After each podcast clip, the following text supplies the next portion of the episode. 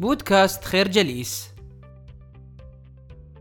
كما سرد لنا رامان الفضائل السبع أتى بنا هنا إلى رمز الكبل السلكي الوردي حيث إنه سيعمل على تذكيرك بقوة السيطرة على النفس والانضباط في بناء حياة أكثر ثراء وسعادة وتنويرا.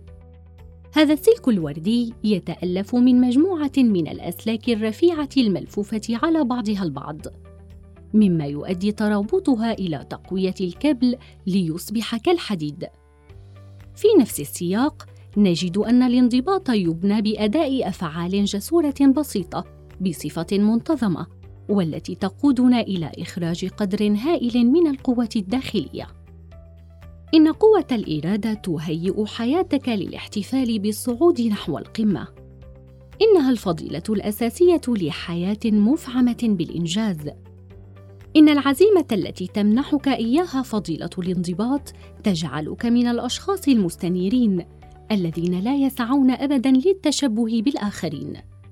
بل يبذلون قصارى جهدهم لكي يصبحوا أفضل مما كانت عليهم شخصيتهم الماضية لهذا لا تسابق الآخرين بل سابق نفسك هل تعلم أن الانضباط له فوائد عملية جمة في حياتك صدق أو لا تصدق.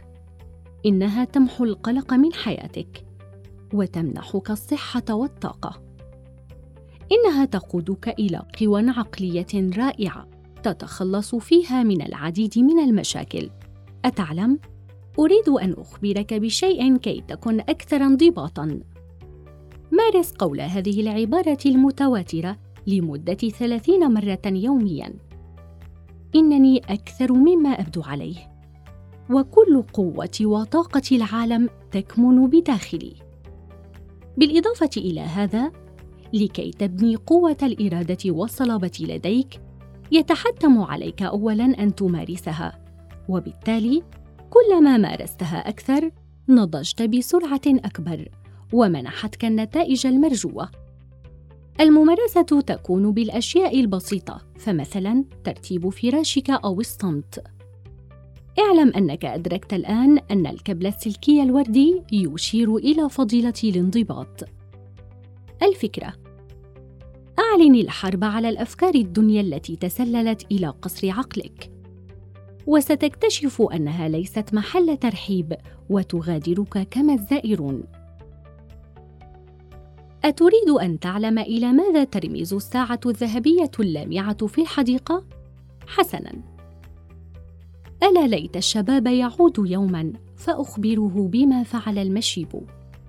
إن هذا البيت الشعري يعبر عن فضيلتنا وهي احترام الوقت حتى لا يأتي يوم لا ينفع الندم فيه على ما مضى إن الوقت محصل لجميع دوافع النجاح من حيث التفكير الإيجابي ورصد الأهداف والتمكن من الذات فجميعهم لا شيء بدون الوقت. إن الوقت هو أثمن بضاعة لديك ولا سبيل لتعويضه إن ضاع. إن إجادة إدارة الوقت لا تعني أن تصبح مشغولا دائما بل أنها تتيح لك مزيدا من الوقت لكي تقوم بالأشياء التي تحب أن تقوم بها. حيث إن إجادة التعامل مع الوقت تفضي إلى التمكن من الحياة. احرس الوقت بحياتك وتذكر أنه مصدر غير متجدد. احرص على تبسيط حياتك فلا التعقيد ولا العشوائية تجعلك أكثر إنتاجية. إن هناك قاعدة أطلق عليها المعلم رامان قاعدة العشرين القديمة. والتي تنص على أن 80% من النتائج التي تحققها في حياتك تنبع من 20% من الأنشطة التي تشغل وقتك. إن الأشخاص المستنيرين ينظمون حياتهم وفقا للأولويات ويتحرون التوازن، وهذا هو سر التمكن في الحياة، حيث لا يدعون الآخرين يسرقون منهم أوقاتهم، فهم يقدرونها جيداً. لهذا لتكن لديك الشجاعة لتقول لا لمن يسرف وقتك هباء بدون فائدة تصرف كما لو كان الفشل مستحيلا وستنجح لا محالة وامح من ذهنك كل فكرة تتعارض مع تحقيقك لأهدافك، سواء كانت مادية أو روحانية. تحل بالشجاعة ولا تحد من خيالك. ولا تكونن قط سجينا لماضيك، وكن مهندس مستقبلك، فهكذا لن تكون كما كنت من قبل. الفكرة. ينسل الوقت من بين أصابعنا مثل ذرات الرمل. فلا سبيل لأن نرجع ثانية. وهؤلاء الذين يستغلون وقتهم بحكمة من سن مبكر ينعمون بحياة ثرية ومثمرة ومشبعة. واحدة من أهم الفضائل للعيش المستنير ترتهن في طبيعة إسهاماتك في الحياة. ذكرنا في قصة المعلم رامان الازهار الندية الصفراء. فما هو ارتباطها بهذه الفضيلة؟ حسنا. إنها تذكرنا بالمقولة الصينية المأثورة دائما ما يلتصق القليل من العطر باليد التي تعطيك الورود. إنك عندما تحرص على عمل الخير يوميا تصبح حياتك أكثر ثراء وأعمق هدفا. أتعلم شيئا؟ إنه ولحد ما لكي تحسن من طبيعة حياتك بشكل جذري يتحتم عليك أن تنمي منظورا جديدا لعلة وجودك على الأرض. يجب أن تدرك أنك كما دخلت العالم خالي الوفاض ستخرج منه أيضا خالي الوفاض. لهذا يجب أن تبذل نفسك من أجل الآخرين حيث إعطاء السائلين بدون أن تنتظر منهم طلبا وعونا ومساعدتهم في الوصول لأحلامهم.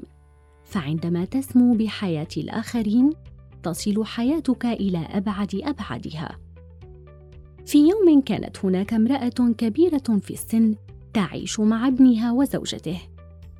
اشتد عليها المرض وأصبحت علة على من هم حولها.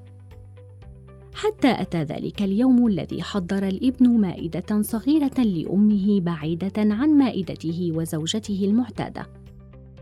وكانت في هذه اللحظات تنظر الأم بعينين دامعتين من الجانب الآخر للغرفة. في يوم صادف الأب ابنته تجلس على الأرض وتلعب بقطع الميكانو. فسألها الأب ماذا تصنعين؟ فأجابت مائدة صغيرة لك ولأمي لكي تأكلا عليها في ركن الغرفة عندما أكبر. هنا صدق المثل الذي يقول الدنيا دائن ومديون. فاعمل اليوم بمساهمات مبنية على سلوكيات حسنة حتى تصادف ذلك بثراء أكبر غدا. الفكرة أكثر الأشياء نبلا يمكنك أن تقوم بها هي أن تبذل من أجل الآخرين. ابدأ بالتركيز على هدفك الأسمى. أخيرا يخبرنا رامان السر الأخير في قصته الساحرة وهو الطريق الطويل المتعرج المليء بالماسات الصغيرة. لقد آمن حكماء ستيفانا أن الحياة الممتعة والمفيدة تتأتى من خلال عملية يطلقون عليها العيش في الحاضر حيث يدركون أن الماضي هو بمثابة الماء الجاري تحت الجسر والمستقبل هو شمس بعيدة في أفق الخيال. واللحظة الأهم هي اللحظة الآنية. لهذا عش في حاضرك وتلذذ بهبه الوقت الراهن. عليك أن تتلذذ برحلة الحياة. وأن تعيش كل يوم كما لو كان آخر أيامك. إنك عندما تتبنى هذا المبدأ في عملك اليومي ستثري حياتك بشكل رائع وستشرع في استشعار العجائب البديعة في أبسط الأشياء. يمكنك أن تنعم بالحياة التي تستحقها في اللحظة التي تشرع فيها في فهم أن الدرب الذي تسير فيه حاليا هو درب حافل بالماس وغيره من الكنوز التي لا تقدر بثمن.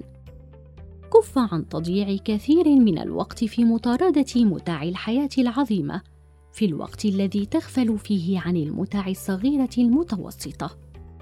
إن أهدافك في الحياة عناصر مهمة في كل حياة ناجحة. ولكن لا يعني هذا أن تقوم بتأجيل السعادة بحجة الإنجاز. اصنع سعادتك، ولا تفقد متاع طفولة أبنائك. فما فائدة تسلق درجات النجاح إن كنت قد ضيعت على نفسك الخطوات الأولى لأطفالك؟ لهذا عش طفولة أطفالك، وذلك بتكريس وقت لتراهم وهم يكبرون أمامك حتى تنعم بمعاني الحياة السعيدة. كن ممتنا لحاضرك وما تملك، واصنع ليومك حتى تنعم بمستقبل مبهج بالنجاحات. الفكرة لقد خلقنا جميعا على هذه الأرض لسبب محدد. كف عن سجن نفسك وراء قضبان الماضي وكن مهندسا لمستقبلك. نشكركم على حسن استماعكم. تابعونا على مواقع التواصل الاجتماعي لخير جليس. كما يسرنا الاستماع لآرائكم واقتراحاتكم ونسعد باشتراككم في البودكاست.